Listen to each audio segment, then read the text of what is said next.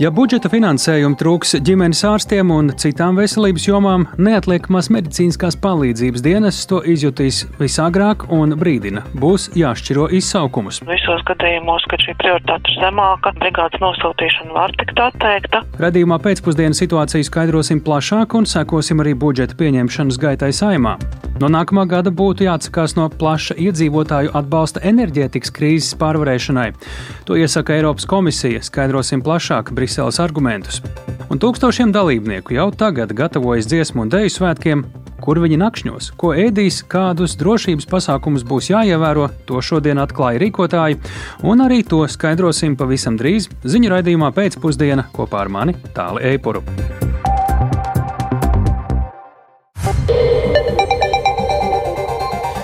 Pūkstens ir 16,5 minūtes, skan pēcpusdienas ziņu programma, skaidrojot šodienas svarīgus notikumus. Studijā tālāk Eipors. Saimnes deputāti ārkārtas sēdē turpina spriest par valsts budžetu saistītiem likumprojektiem, līdz pašam budžeta projektam pagaidām gan vēl nemaz netiekot. Ilgstošas debatas izvērš opozīcijas deputāti par saviem priekšlikumiem, no kuriem neviens tā arī līdz šim nav atbalstīts. Tam visam līdzi sako Jānis Kīns. Jāni, kas šajā pēcpusdienā tik pamatīgi ir ievilcis budžeta debatas? Sveiks, tēls, sveicināti klausītāji. Jā, nu, ja dažādus tehniskus labojumus un likuma projekta formulējumus deputāti atbalsta nedebatējot, tad lielo vairumu priekšlikumu ko iesnieguši saimnes opozīcijas frakciju deputāti, noraida. Tas neliedz par katru no šiem priekšlikumiem izteikties vismaz trīs opozīcijas deputātiem. Un kādā brīdī Andris Bērziņš no Zaļo zemnieku savienības frakcijas pat izpelnījās ovācijas par aicinājumu koalīcijas deputātus nebūt tik skopiem un atbalstīt kaut vienu opozīcijas priekšlikumu. Tomēr tas nenotiek. Minēšu piemēru. Vesels priekšlikumu bloks bija sagatavots saistībā ar budžetā paredzēto plānu no šā gada jūlija paaugstināt minimālā ienākuma slieksni un, un minimālo pensiju personai ar invaliditāti kopš bērnības. Valdībā Labklājības ministrijas izstrādātie plāni paredz, ka tie pieaugs attiecīgi no 109 līdz 125 eiro un no 136 līdz 157 eiro mēnesī. Un šis pārreķins veikts, lai, pil, lai izpildītu satversmes tiesas spriedumu. Un šos aprēķinus opozīcijā esošā Zaļo zemnieku savienības frakcija aicināja padarīt divkārt dāsnākus, lai tie sasniegtu ap 300 eiro mēnesī. Tāpat eh, līdzīgi bija piedāvāts paaugstināt maksājumus arī trūcīgām personām, kā arī palielināt vairākus pabalstus pabalstus. Un gluži tāpat pēc Latvijas, pēc Latvijas pensionāru federācijas lūguma bija iesniegts arī priekšlikums par vienreizēju 200 eiro pabalstu maksājumu senioriem. Arī šī ideja ne, neguva atbalstu. Un, pirms šos priekšlikumus balsojumos noraidīja deputāts Jānis Vucāns no jau pieminētās Zaļo zemnieku savienības frakcijas kritiski vērtēja, ka iztrūkst pamatojumu labklājības ministrijas piedāvātajiem aprēķiniem. Tas liecinot par inflācijas negatīvās ietekmes ignorēšanu. Paklausīsimies! Te būtu vajadzīga tiešām analīze, cik lielā mērā tad ir sadārdzinājums tieši tiem cilvēkiem dzīves uzturēšanai, kuriem nav regulāru ienākumu pēdējā laikā bijis un kuri saņem šo minimālo pensiju, kas ir aprēķināta pēc vienas pēc otras schēmas. Šo laika gaitā arī es saprotu, ka ir paredzēts mainīt dzīves līmenim, uzlabojoties valstī, un tas būtu atkal situācija, kur būtu vajadzīga ļoti detalizēta analīze. Kā jau tas ir iegājies debatēs par budžetu, koalīcijas pārstāvji tribīnē kāpja reti. Šoreiz to varētu skaidrot arī ar koalīcijas vienošanos nesniegt nekādus priekšlikumus par papildu tēriņiem budžetā. Savukārt opozīcijas plašo piedāvājumu klāstu lakoniski novērtēja deputāts Edgars Putra no apvienotā saraksta. Opozīcija vienmēr ir strādājusi to, lai izdevuma sadaļa būtu lielāka. Tur tas disbalans veidojās. Bet šī gadījumā šeit ir diezgan liela fiskāla ietekme, un līdz ar to arī komisija neatbalstīja Nu, lūk, turpinot līdzinājā tempā, nešķiet, ka saima šodien tiks galā ar uh, plānoto uzdevumu šodien arī pieņemt visus ar budžetu saistītos uh, likumprojektus un izskatīt visus šos priešlikumus. Deputāti tiešām arī šobrīd aizvien vēl nav ķērušies pie paša 2023. gada budžeta un trīs gadu budžeta ietvara likumprojekta, kurā ir iesniegt kopumā 206 priešlikumi, un tie visi vēl ir jāvērtē. Vai Jānis tas nozīmē, ka budžeta skatīšana varētu ievilkties naktī, vai vairāk izskatās, ka varētu vienā brīdī to pārtraukt un turpināt, piemēram, rīt vai citdien?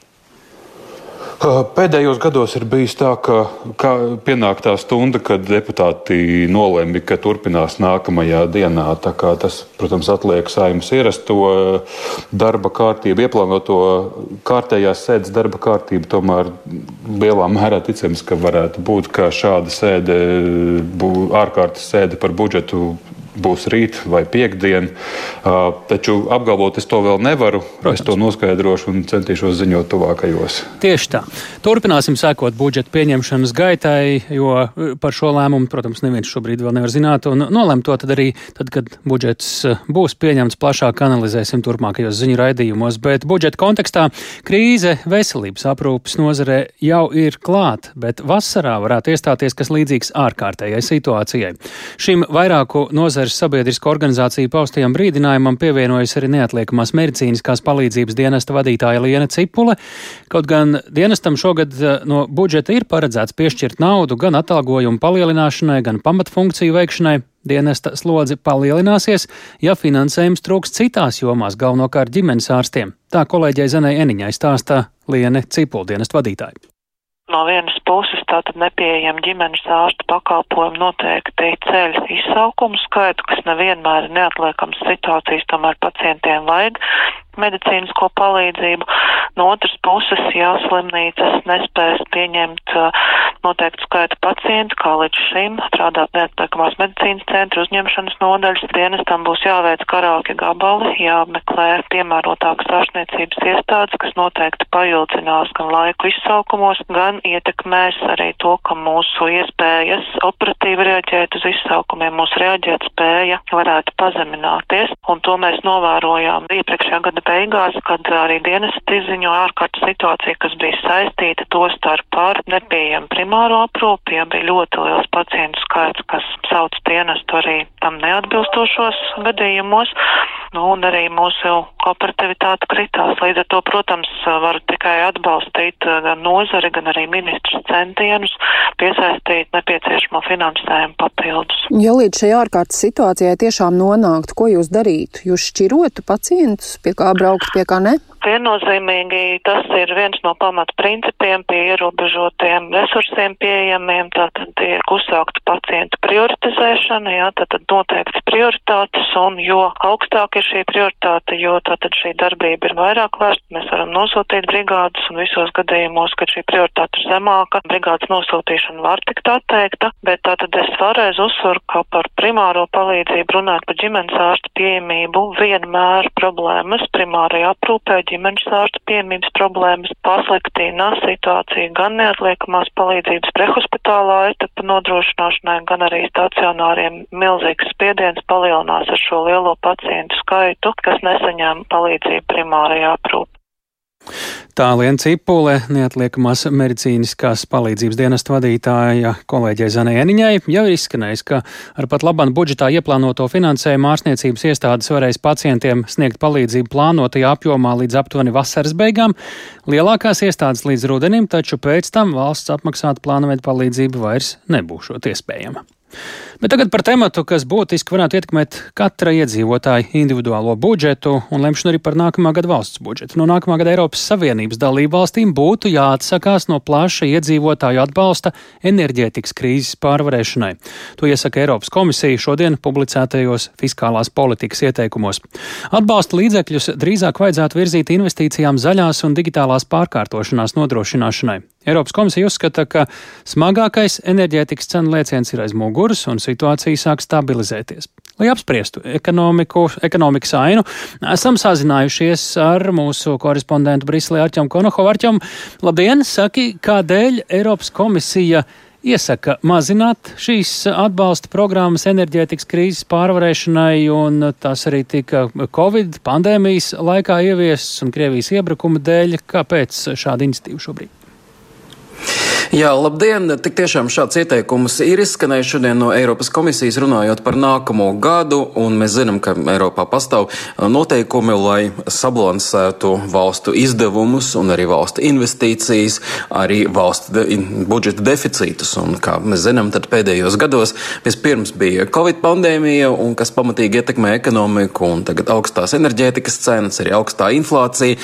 Tas viss ir licis valdībām pamatīgi ieguldīt līdzekļus, lai stimulētu ekonomiku, lai palīdzētu iedzīvotājiem, lai pārvarētu šīs negatīvās sekas. Tomēr ir skaidrs, ka vienā brīdī šīs atbalsts beigsies, vai tas būtu jāmazina, jo valstis gluži vienkārši to nevar atļauties. Tas ietekmē viņu budžeta deficītu, tas ietekmē viņu parādu līmeni, un tamdēļ Eiropas komisija uzskata, ka būtu jāskatās uz to, ka tomēr arī augstās inflācijas laikā nevajadzētu pārāk daudz tērēt, jo arī tas veicina inflāciju, šie pārlieku lielie tēriņi. Tāpēc te ir jāskatās, kā nauda izlietot tā, lai atrastu pareizu, pareizu līdzsvaru. Par to runāja arī Eiropas komisijas priekšsēdētājs izpildvietnieks Valdis Dombrovskis. Paklausīsimies!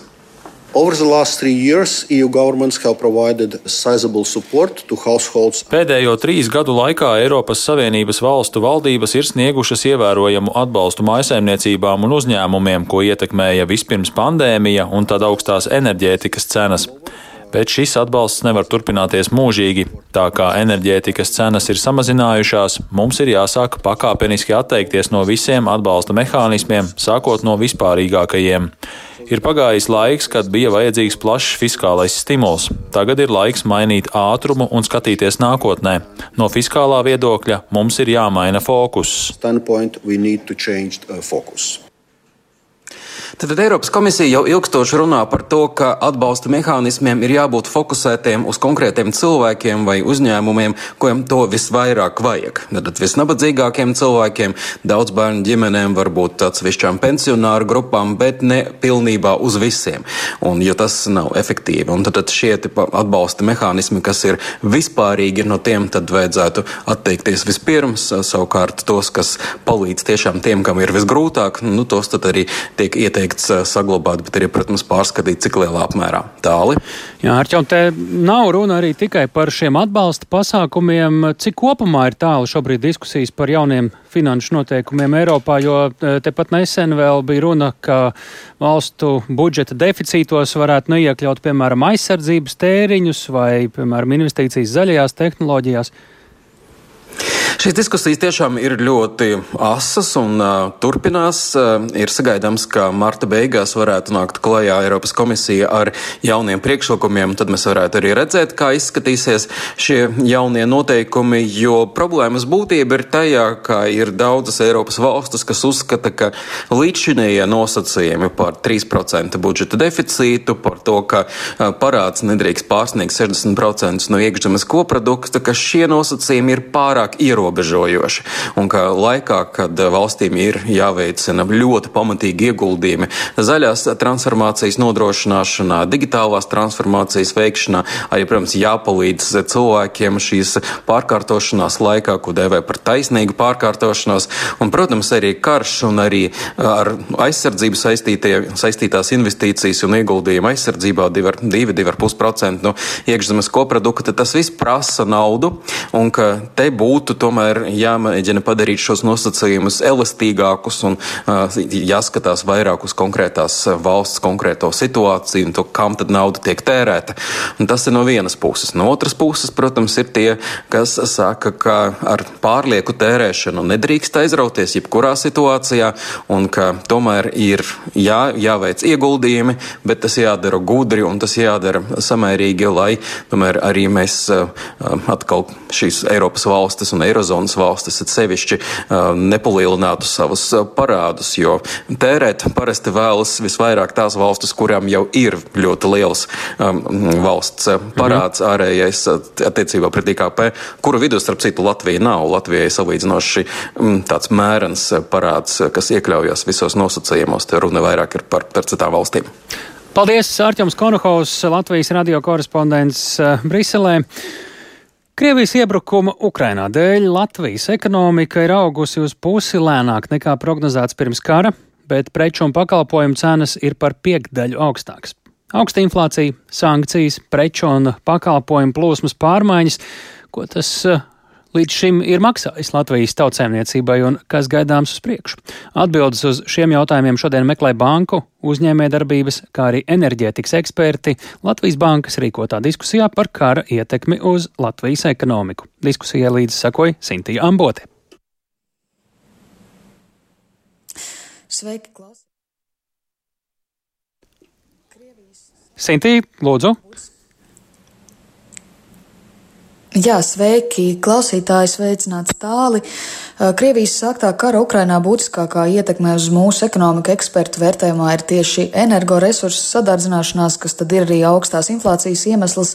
Kara priekšvakarā Krievija bija galvenais dabasgāzes piegādātājs Eiropas valstīm un veidoja aptuveni pusi no dabasgāzes importa kopumā Eiropā, kas padarīja tad ievainojumu Eiropas ekonomiku un, protams, arī Latviju. Un tā šīs diskusijas ievadā norādīja Latvijas Bankas monetārās politikas pārvaldes pētniecības daļas vadītājs Kārlis Vīlērts. Varam mazliet paklausīties viņa teikto. Mūsu aprēķini liecina, ka tāda pilna pārnes no dārgākiem energoresursiem uz precēm un pakalpojumiem notiek aptuveni gada laikā.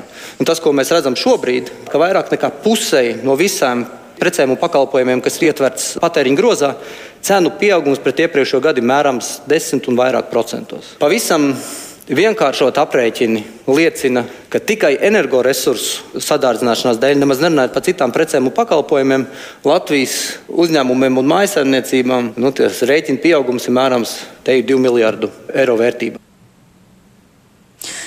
Vilērts arī iezīmē, ka vienlaikus valsts atbalsts ekonomisko bremzēšanos pērn mazināja par 0,7% punktiem. Energoresursu krīzes mīkstināšana budžetam prasīja aptuveni 650 miljonus eiro, un ir skaidrs, ka ik gadu budžets nevarēs pavilkt šos īstermiņa risinājumus, tāpēc neskatoties uz to, ka gāzes cena ir kritusies un krātuvēs šobrīd ir dabasgāzes uzkrājumi, tomēr tādā pašapmierinātībā ieslīgt nevajadzētu pat labana valsts um, mājasaimniecību un uzņēmumu līmenī līmenī būtiskākais jautājums ir, kā nodrošināt drošus energoresursu piegādes par saprātīgām cenām, tā sacīja ekonomists.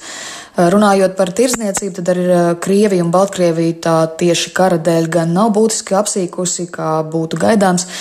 Eksporta vērtība uz šīm valstīm pērn bijusi tāda pati kā 2021. gadā, tas ir ap 4% no iekšzemes koprodukta.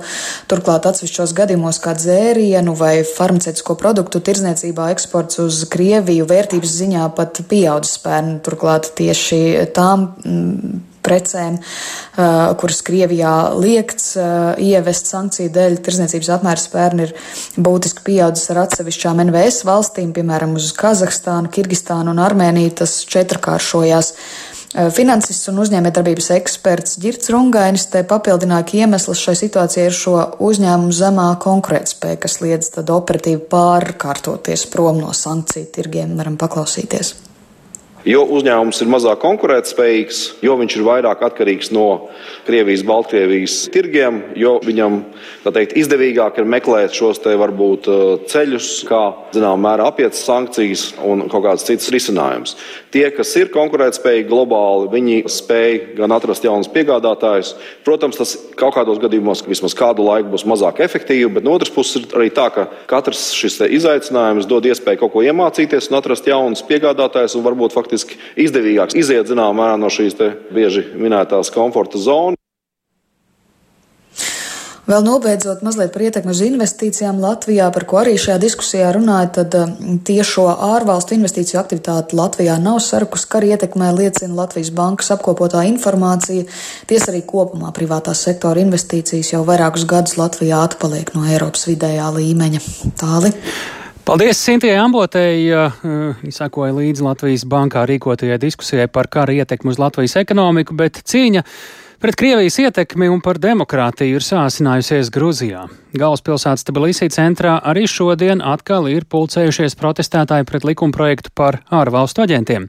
Aizvadītajā naktī pie Gruzijas parlamenta ēkas notika plašas sadursmes starp protestētājiem un policiju. Tā lika lietā arī asaru gāzi un ūdens metējus. Valdošās partijas Gruzijas sapnis vadītājs tikmēr protestētājs ir nodēvējis par radikāļiem un spiegiem, kuri vēloties destabilizēt valsti. Savukārt Rietumvalsts valstis paudušas nopietnas bāžas par ārvalstu aģentu likumprojektu. Vairāk Ulda Ķezbera ierakstā. Vairāki simti cilvēku šodien pēcpusdienā sapulcējās Tbilisi Rustavelī avēnijā, kur atrodas Gruzijas parlaments. Viņi tur ieradās neraugoties uz pagājušajā naktī notikušajām sadursmēm, kuru laikā policija pielietoja asaru gāzi un ūdensmetējus pret protestētājiem. Vakara protestu laikā aizturēti vismaz 66 cilvēki. Tbilisī jau vairākas dienas turpinās opozīcijas rīkoti protesti pret valdošās partijas Gruzijas sapnis ierosināto un parlamentā pirmajā lasījumā pieņemto likumprojektu, kas paredz pasludināt par ārvalstu aģentiem nevalstiskās organizācijas un medijus, kas vismaz 20% finansējuma saņem no ārvalstīm. Likumprojekta kritiķi uzskata, ka tas kopē 2012. gadā Krievijā pieņemto ārvalstu aģentu likumu, ko Kremlis izmanto, lai vērstos pret saviem oponentiem. Šonadēļ Rustavelī avēnijā notiekošās demonstrācijas ir salīdzinātas ar 2014. gadā Ukrainas galvaspilsētā Kīvā notikušo Maidana jeb pašcieņas revolūciju. Partijas Gruzijas sapnis līderis Iraklīs Kobahidze šodien paziņoja, ka šāds salīdzinājums esot nevietā, jo viņa prāt Maidans Ukrainai neko labu nav devis. Ko Maidans deva Ukrainai? Ukrainā sākās karš, kurā tā zaudēja Krimu un lielu daļu Luhanskas un Donetskas apgabala, bet visam tam turpinājums ir karš, kas Ukrainā norisinās pašlaik. Ukraina ir zaudējusi 20% savas teritorijas. Kaut ko līdzīgu Gruzijā vēlas arī radikāļi. Mēs nerīkosimies tā, kā vēlas radikāļi. Mēs rīkosimies Gruzijas sabiedrības interesēs. Protams, ka mēs nepieļausim jaunu spiegu revolūciju. Mēs atceramies, ko tā nesa valstī laikā no 2004. līdz 2012. gadam. Mēs zaudējām 20% teritorijas Mihaila Sākašviļī dēļ. Cilvēku spīdzināja, visus medijus sagrāba. Protams, Gruzijas sabiedrība sabiedrība nedrīkst to pieļaut. Mēs esam valsts, mēs esam pieredzējusi sabiedrība, un mēs neļausim spiegiem atgriezties pie varas. Grūzijas prezidente Salome Zurabišvili izteica atbalstu protestētājiem un solīja, ka viņa neparakstīs strīdīgo likumprojektu. To, kā demokrātiskai valstī nepiemērotu, ir nodēvējušas arī ASV un Eiropas Savienība. Brisele brīdina, ka tas var kaitēt Eiropas Savienības un Grūzijas attiecībām. Uldis Česberis, Latvijas radio. Šobrīd esam sazinājušies ar Grūzijas Latviešu biedrības Avisola priekšsarētāju Dāci Džavašvili. Labdien! Tā, labdien! Kā jūs vērojat apkārt sev, kāds noskaņojums valda Grūzijas cilvēkos? Šis ir tāds stāsts tikai par šo vienu likumu, vai nu, jau tas ir plašāk, un šis ir tikai tas, kas plašāku neapmierinātību ir izcēls virspusē? Nu, tas jau ir plašāk, jā, tas jau ir vairāku uh, gadu garumā. Es pat teicu, jau no, no tā 2012. gada uh, ir tas kurs uh, vairāk uz Krievijas pusi bijis, un uh, es jau esmu bijis vienreiz uh, jūsu ēterā, uh, kad bija tie protesti 2019. gadā, kad notika, kad Ser Sergejs Gavrilovs no Dumas um, un uh, apmeklēja to pareisticīgo samitu parlamentāro samitu. Runāja Krievi, uh, Gruzijas parlamentā Krievijas valsts domas pārstāvs par ļoti plašu protestu. Jā, jā, jā, jā. Bija plašs protests, kad arī tika izga, iz, izdanāts cilvēki ar gumijas lodēm un daudz, daudz zaudēja aci. Un, un arī kopš šī te uh, Ukrainas kara um, mēs arī esam bijuši ar ģimeni kādos četros protestos pagājuši gadu. Bija vairāki protesti par um, Gruzijas nostāju pret uh, saistībā ar karu. Par nepievienošanos sankcijām un arī par Eiropas kursu uz Eiropas Savienības dalībvalsts statusu. -hmm. Tā ka tas viss jau briest ilgu laiku, un, un šī te valdības nostāja paliek arvien nekaunīgāka, un, un cilvēki, šobrīd cilvēki ir atkal ļoti sasparojušies, un man visu Facebook, visu Facebooka lapa ir pilna ar ar uh, postiem par atbalstot protestus un, uh, jā. Jā. Nezinu, cik ilgi tas turpināsies, bet jā. Kā tiešām izskatās, cik principiāli cilvēki varētu būt šobrīd sasparojušies, kas apkārt tiek runāts, uh, ja valdība turpina savu kursu kaut vai uz šo ārvalstu aģentu likumu pieņemšanu? Nu, man ir grūti spriest, cik ilgi tas turpināsies, jo es, nu, es ne, neredzu, ka valdība mainīs savu nostāju, jo valdība šeit, nu, viņi tiešām tā kā izpilda Krievijas pavēles, tā liekas, un neredzu, ka valdība kaut ko mainīs, un cik ilgi turpināsies protesti un kā tas viss izvērtīsies tālāk, arī ir grūti spriest tagad. Pilnīgi saprotam, jā. Grūzijas Latviešu biedrības savu savu priekšsarētāju Dāce Džavašvili bija mūsu īsās sarunas biedrene. Mēs turpinām raidījumu pēcpusdienā. Kur nakšņos un ko ēdīs dziesmu un dēļu svētku dalībnieki un kādi drošības pasākumi būs jāievēro par to šodien informēja svētku rīkotāji, kā arī starp Rīgu un Daugopilu turpmāk kursēs vien pāris autobusu reisi nedēļā. Šie un citi temati pēc brīža raidījumā pēcpusdienā.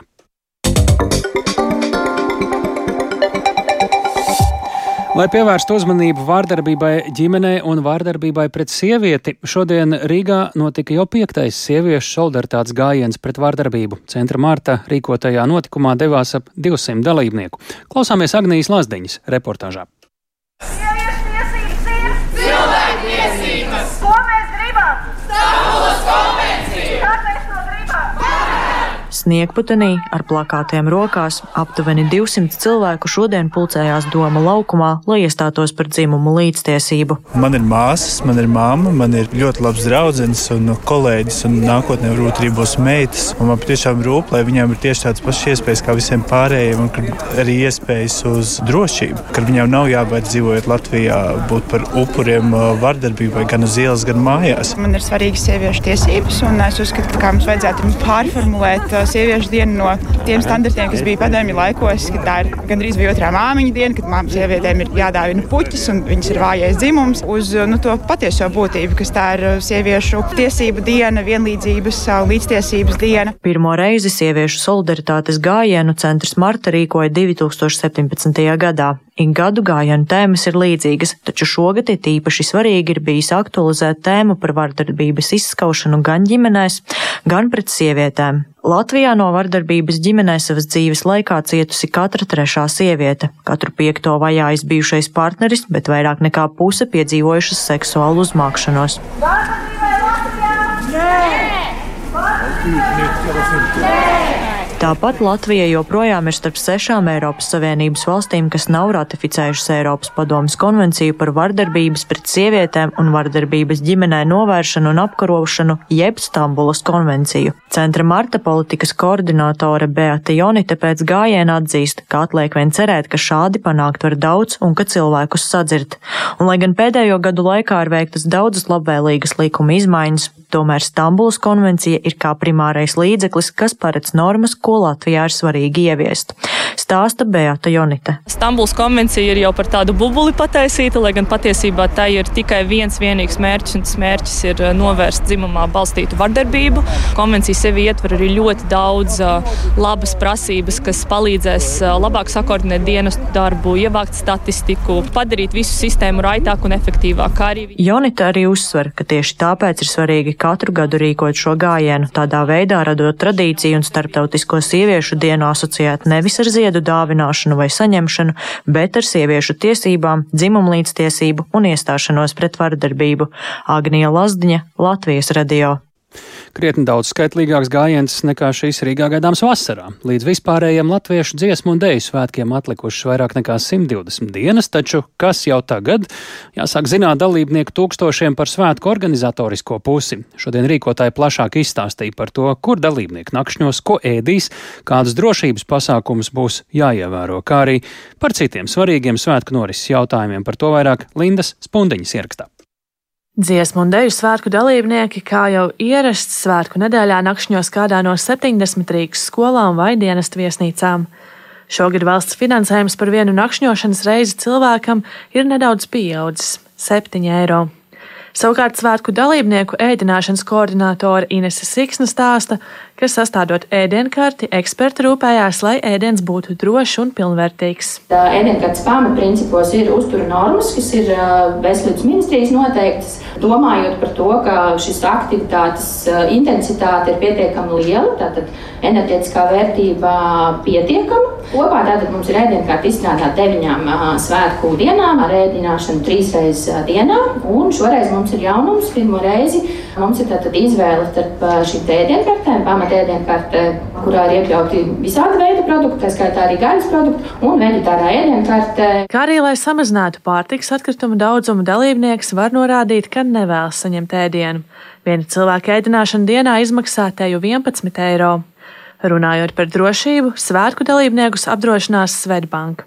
Tikmēr svētku operatīvās vadības grupas vadītājs Artis Velšs atgādina, ka dalībniekiem ir jāiepazīstas ar noteikumiem. Protams, ir jāatceras, ka arī jebkuri šādi noteikumu pārkāpumi var draudēt jau ar atbildību par konkrēto pārkāpumu, kāds nu, tas būtu bijis. Bet uh, droši vien, ka priekš dalībnieka, es teiktu, trakākais būtu tad, ja būtu jāpieņem lēmums par dalībnieku izslēgšanu no svētku dalības. Diemžēl svētkos atsevišķi gadījumi iepriekšējos tādi ir bijuši. Bet būtiskākais svētku teritorijā varēs atrasties tikai dalībnieki. Tas nozīmē, ka vecāku uz mēģinājumiem nevarēs ņemt līdzi atvases. Tas nolemts drošības apsvērumu dēļ. Jāpiebilst, ka šajos svētkos ir vēl viens jaunums. Katram dalībniekam ir iespēja rezervēt vienu koncerta biļeti. Turpina svētku izpildirektore Daina Markova. Visiem dejotājiem mēs piedāvājam vienu biļeti uz kādu no deju pasākumiem, visiem dziedātājiem, koristiem. Tas būs tīrums, dziesmas ceļš vai tā ģenerāla mēģinājums. Pūtēju orķestra dalībniekiem tas būs pūtēju orķestra diškoncerts un zaļumbalva. Savukārt koklētāju ansambļi varēs rezervēt biļetes uz savu koncertu, bet visi pārējie dalībnieki vai nu uz koru lielu koncertu, vai tā ģenerāla mēģinājumu, vai arī uz pūtēju orķestra diškoncertu un zaļumbāli. Biļetes rezervējuši ap 33 tūkstošiem dalībnieku. Paši dalībnieki noslēguma koncertu un tā ģenerāla mēģinājumu varēs apmeklēt bez maksas. Linda Spundiņa, Latvijas radio.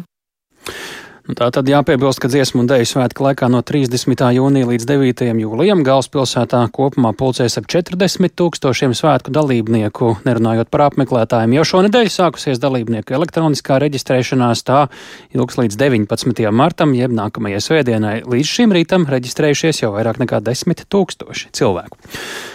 Pasažieri ar autobusu starp Daugopili un Rīgu turpmāk braukt praktiski vairs nevarēs. No mēneša vidus plānots slēgt komerciālo autobusu satiksmi starp galvaspilsētu un Latvijas otru lielāko pilsētu. Tā kā starp abiem galamērķiem saglabās vien pāris valsts dotēto reisu nedēļas nogalēs, pasažieriem lielākoties būs jāpārsēžas uz vilcienu. Kāpēc autobusu pārdotājs vairs neplāno sniegt pakalpojumu un kā uz to raugās valsts, vairāk Viktora Demidova ierakstā. Latvijā ir divu veidu reģionālo autobusu reisi. Pārsvarā visus maršrutus finansē valsts, bet ir arī komerciālie maršruti, kurus uztur tikai komersanti.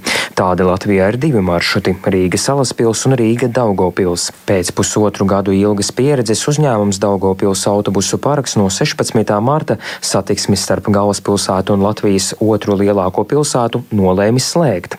Ja vēl pagājušajā gadā komersants dienā nodrošināja 3-4 reisus vienā virzienā, tad tagad dienā ir palicis tikai viens reis. Turpina uzņēmuma komercdirektors Artjums Vengrevičs. Tā ir maršruta no paša sākuma bija ļoti zema rentabilitāte pusotra gada laika periodu pakāpeniski to slēdzot, arī uz esošo slēgšanu ietekmēja pasažieras plūsmas samazināšana. Ziemas periods, janvāris, februāris, varētu būt tur puse kaut kāda no autobusa vai divi trešās daļas. Tā kā tā ir komerciāla maršruta, uzņēmums pārvada pasažierus ar atlaidēm par savu naudu, ja nesaņemot no valsti tās saucamas dotācijas. Protams, tas lēmums uzņēmumam grūts, jā, bet mēs kā uzņēmums arī nevaram atļauties, piemēram, strādāt ar zaudējumiem. Vengrivičs atzīst, ka uzņēmumam ir diezgan grūti konkurēt ar pasažieru vilcienu, kas piedāvā krietni zemākas biļešu cenas. Autobusā no Rīgas uz Daugopili biļete maksā 12 eiro, bet vilcienā teju par 5 eiro mazāk, jeb 7,25 eiro. Vilcieni kursē 4 reizes dienā, salīdzinājumā ar autobusu, kas ceļā pavada 3 stundas un 40 minūtes. Vilciens līdz galamērķim nokļūst vidēji par pusstundu ātrāk. Turklāt sliežu transportā ietilpst vairāk pasažieru. Ņemot šo vērā, autotransporta direkcija neplāno palaist valsts dotētu autobusu reisu, turpina direkcijas pārstāvis Viktors Zaķis. Mums, kā organizācijai, kurai ir jārūpējas par saprātīgiem izdevumiem un jāmeklē ekonomiski pamatotākie veidi, kā nodrošināt šo iespēju pasažieriem pārvietoties, nu, šīs ir tas pamatojuma avots. Nu, ja jau pasažieri paši šobrīd neizvēlās to autobusu un viņi brauc ar viņu aizvien mazāk un mazāk un mazāk, un var saprast, kāpēc, ja viņš ir lēnāks un dārgāks, nu, tad tā arī ir atbilde droši vien. Starp Rīgu un Daugopili saglabājas valsts dotēts reiss, kas brauks caur vecumniekiem un ilūgsti. Tas reizi dienā kursē katru piekdienu piekdienu un svētdienu. Savukārt autotransporta direkcija norāda, ka maršrutā Rīga Daugopils komercreisus var piedāvāt jebkurš cits uzņēmums. Viktors Demidovs, Latvijas radio. Latvijas radio devās skaidrot, kāds viedoklis par izmaiņām autobusu satiksmē ar galvaspilsētu ir Daugopils iedzīvotājiem. Klausāmies! Ne, nu, protams, es pats pārvietojos ar mašīnu, bet eh, jebkurā gadījumā tas ir slikti, ja starp divām lielām pilsētām nebūs autobusu reisu. Nē, nē, tā nevar. Jo tālāk, jo trakāk. mazāk, maz, mazāk. Jā, jā. Es jau pārsvarā braucu ar vilcienu, bet, ja vajag dažreiz tieši kaut kādā laikā, tad ar autobusu jābrauc. Gribi, negribi. Ja tā jau kaut kā savu transportu net, tad kā tā darās? Kam nav savu transportu, kā viņiem nokļūt? Es reti braucu ar autobusu, vairāk ar vilcienu. Jau tā cilvēku maz. Jādara taču kaut kas arī priekš cilvēkiem, nevis lai tikai pašiem izdevīgi. Vismaz vienu autobusu būtu jāatstāj. Tie, kas mācās, strādā Rīgā, tie jau izmanto. Uz Daugupasu dabirājās? Nav normāli. Nu, ir cilvēki, kas brauc un arī ir vajadzīgi tomēr tie autobusi. Tā nedrīkst. Es neizmantoju autobusu. Es, kad braucu, braucu ar privāto mašīnu. Bet, a, kas vieta Daugavpils Rīga? Jā. Nu, nav normāli. Ne. Jau kam strādā, tāpēc jau viņus taisa cietos autobusus. Maksāt negrib algas šoferiem, un degviela kā rezerves daļas. Kā. Daugopils iedzīvotāji tātad no mēneša vidus starp Rīgu un Daugopilu paliks vien pāris dotēto autobusu reisu nedēļas nogalēs. Pasažieri Rīgu varēs sasniegt ar vilcienu. Ja reiz par dzelzceļu, tad no šodienas ieviestas satiksmes organizācijas izmaiņas Rail Baltica dzelzceļa un centrālās stacijas būvdarba dēļ, un no šodienas tātad Gogoļa ielā pārvada būvniecības dēļ šīs izmaiņas, un lai izstāstītu, kādas tieši tās ir pie mums klausulas. Pie mums klausulas būvnieku pilnsabiedrības Bereriks pārstāvis Andis Linde. Labdien! Labdien! Kā Gogoļielas pārvada apkārtnē īsumā līdz šim rītai satiksmi un kas tagad mainās tajā? Gājējiem, autobraucējiem, sabiedriskajiem transportam īsumā. Jā, ja jāsaka godīgi, tad šī izmaiņa nav radikāli atšķirīga uh, no iepriekšējās, izņemot to, ka tagad uh, uh, autobraucēji un sabiedriskā transporta braucēji lieto nevis ri, rietumu pusi, bet austrumu pusi, respektīvi tā, tās brauktu mēs atvērām to, kas ir tuvāk stacijai un slēdzām to, kas ir tuvāk, uh, teiksim, tirgumu. Un, un, uh, un vienīgā tāda lielā izmaiņa ir tas, ka gājējiem tagad ir iespēja iet tikai pa vienu pusi, jo mēs uh, rītā sākam jaukt to, to pārvada daļu, kas ir tuvāk tirgumu un, un attiecīgi, lai būtu drošība, tad mēs to norobežojam. Uh, uh, bet uh, nu, lielākās izmaiņas būs tuvākajās dienās, kad Rīgas doma uh, nāks ar saviem integrā, uh, integrācijas projektiem, kur viņi uh, integrē Real Baltica, teiksim, uh, nākotnes risinājums savos šodienas ielu uzlabojumos, un, un tad tur būs radikālāks izmaiņas tajā vietā. Kamēr tur būvēs, nu tad par to mums būs jāinteresējas jau precīzāk Rīgas domē noteikti, lai viņi izstāsta. Šobrīd, kurā posmā ir celtniecība, ņemot vērā šos darbus, tā, kas uz jums attiec? Jā, nu mēs šobrīd tie, kas tajā apkārtnē iet garām vai brauc garām, tad viņi var redzēt, ka pamazām aug, aug tad šīs te stācijas un pārvadu konstrukcijas tieši stacijas zonā, tur tas jau, teiksim, ir trešā, ceturtā stāva līmenī ir, ir centrāla lifta un kāpņu telpa šīs te šahtas, kolonas pārvadiem multimodālajā zonā ir, ir redzams tā, bet, bet, bet šobrīd šis te pārs, satiksmes pārslēgšana ir tieši tam dēļ, lai, lai mēs varētu, mēs esam izbūvējuši visas konstrukcijas tajā daļā, kur, ko mēs tagad atveram, visas pazemes konstrukcijas pamati, kolonas, kas tur ir vajadzīgas, un, un, mm -hmm. mēs, mē, un, un, un tagad mēs ķeramies klāt tai otrai pusē, izbūvēsim to otru pusi, un tad pārslēgsim oktobrī vēlreiz satiksmē, lai tad pabeigtu šo, šo te, jo, jo dēļ vidus balstiem mēs nevaram tagad šajā pusē nevaram izbūvēt pašu pārvadu. Labi. Jāskaidr. Vēl pavisam īsi mēs izstāstījām, ka gājēji ies pa šo otru tuneļa daļu, bet kā varēs šķērsot Gogoļielu? Jā, Gogoļa ielā ir vairākas papildus uh, gājēja pārējais. Viena ir uh, starp Stokmanu un stāciju, tieši pie pārvadu beigām viena gājēja pārēja, kur droši varēs pāriet.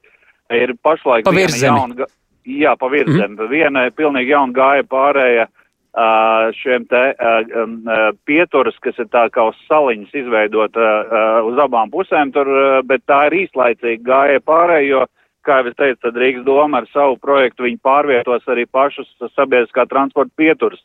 Tā kā ieteiktu, ieteiktu turpināt to jā. Uh, turpināt sakot, jo tas notiks jau sestdien, naktī no piekdienas uz sestdienu. Tā kā, tā Pagaidām, kā domāju, jā. Un tas, tirgus pusē tas, tas tur arī būs tad, tikpat īslaicīgi, ja tur tā pārējā vai kā. Nē, nē, tā pārējā šķērsām, tad ir trīs pārējas šobrīd. Tā viena, ko mēs jau esam norganizējuši pie satiksmes ministrijas, pie Gaiziņa ielas. Jā, mums. Tagad divas, divas jaunas ir. Un, un tās būs, tā viena būs visu laiku, kamēr arī Rīgas doma veidos savas darbības. Labi. Un, Jā. un, un otra būs tikai pāris dienas līdz uh, nedēļas beigām, kad, kad, kad Rīga tur ieviesīs izmaiņas. Jā. Paldies par sarunu. To mēs sakām Bereriks pārstāvim Andim Lindem. Paldies arī, ka klausījāties raidījumu pēcpusdienu. Mēs pavisam noteikti būsim atpakaļ arī arī rīt, kā katru darba dienu. Yeah.